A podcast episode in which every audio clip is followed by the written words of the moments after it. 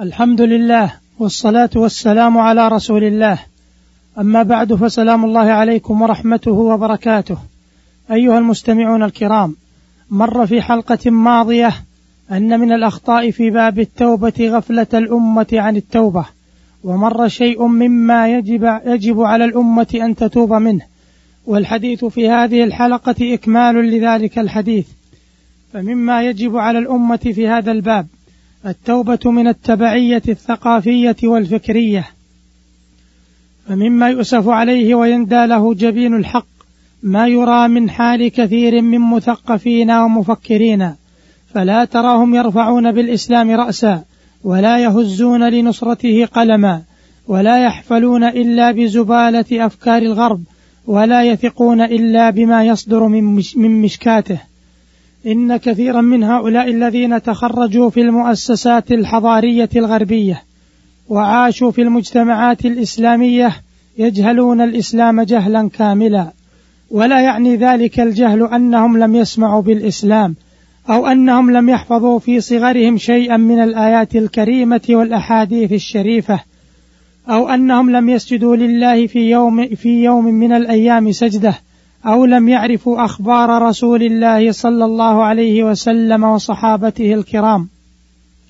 لا ليس الأمر كذلك وإنما المقصود أن هؤلاء يجهلون نظرة الإسلام إلى الكون والحياة والإنسان ويجهلون حقائق الإسلام وشرائعه الحكيمة ومقاصده النبيلة ويجهلون قيم الإسلام ومثله وأخلاقه وحضارته وتطور وتطوراتها ومراحلها ويجهلون أسباب تقدم المسلمين في التاريخ وأسباب تأخرهم.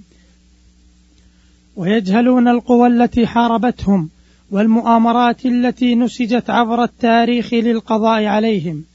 معاشر المستمعين فهؤلاء الذين نسميهم مثقفين ومفكرين عندما واجهوا الغرب وحضارته وفنه وأدبه لم يواجهوه إلا بعقول خواء وأفئدة هواء ونفوس مجردة من معاني الأصالة والعزة والأنفة. فلم يواجهوا الحضارة الحاضرة مواجهة مدركة فاحصة مقومة وإنما واجهوها مواجهة سطحية تنطلق من مواطن الجهل والذلة والشعور بالهزيمة. فانبهروا بما فيها دون ما تمييز بين الحق والباطل والنافع والضار. فنكسوا رؤوسهم حطة أمام الغرب. ولهذا تراهم يهشون ويطربون إذا ذكر اسم فرويد أو نيتشه أو تي إس إليوت أو ماركيز أو غيرهم من مفكري الغرب على اختلاف توجهاتهم ومدارسهم الفكرية. وإذا ذكر الله ورسوله اشمأزت قلوبهم واستولى عليهم الشعور بالهزيمة والذلة. ومن هنا فإن مثقفين في فروع الحياة كلها إلا من رحم ربك.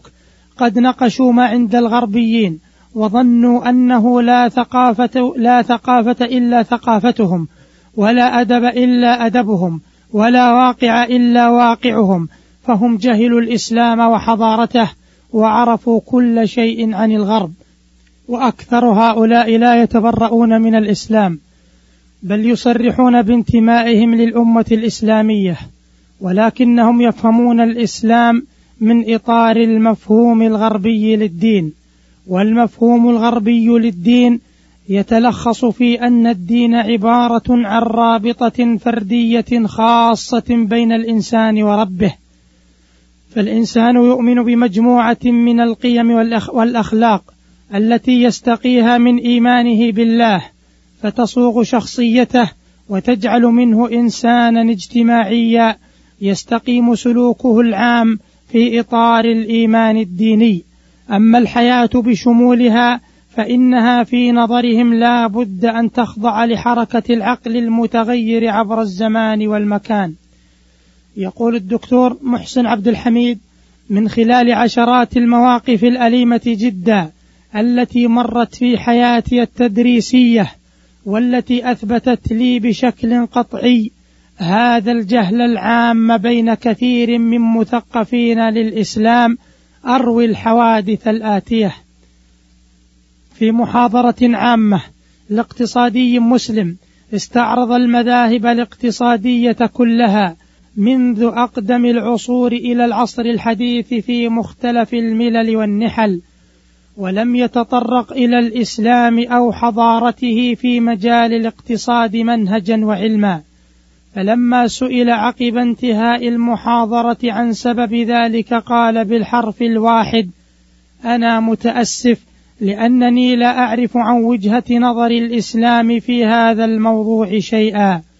ولما أهدي له فيما بعد كتاب حول أحكام الاحتكار في الفقه الإسلامي تعجب كثيرا وذكر أنه لم يكن يظن أن الفقهاء بحثوا مثل هذه الموضوعات. ويواصل قائلا وحضرت مرة مناقشة رسالة علمية في الفقه الجنائي الإسلامي مقارنا بالفقه الجنائي الغربي استغرب مناقش قانوني في اللجنة أن يكون فقهاء المسلمين قد ناقشوا بعمق نظرية قانونية.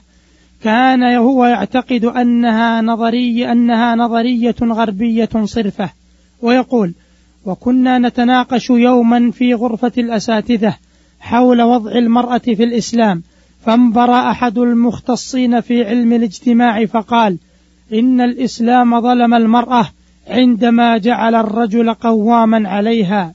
فلما سألناه ما المعنى اللغوي للقوامة في الآية الكريمة حتى نحدد موقفنا منه تلعثم ولم يعرف معناها. فقال له أحدنا كيف تصدر يا أستاذ هذا الحكم الظالم على الإسلام وأنت لا تعرف معنى القوامة؟ انتهى كلامه. أيها المستمعون الكرام هذه هي حال كثير من مثقفينا ومع, ومع ذلك نجدهم يتصدرون وسائل الإعلام ويتطرقون لقضايا الأمة.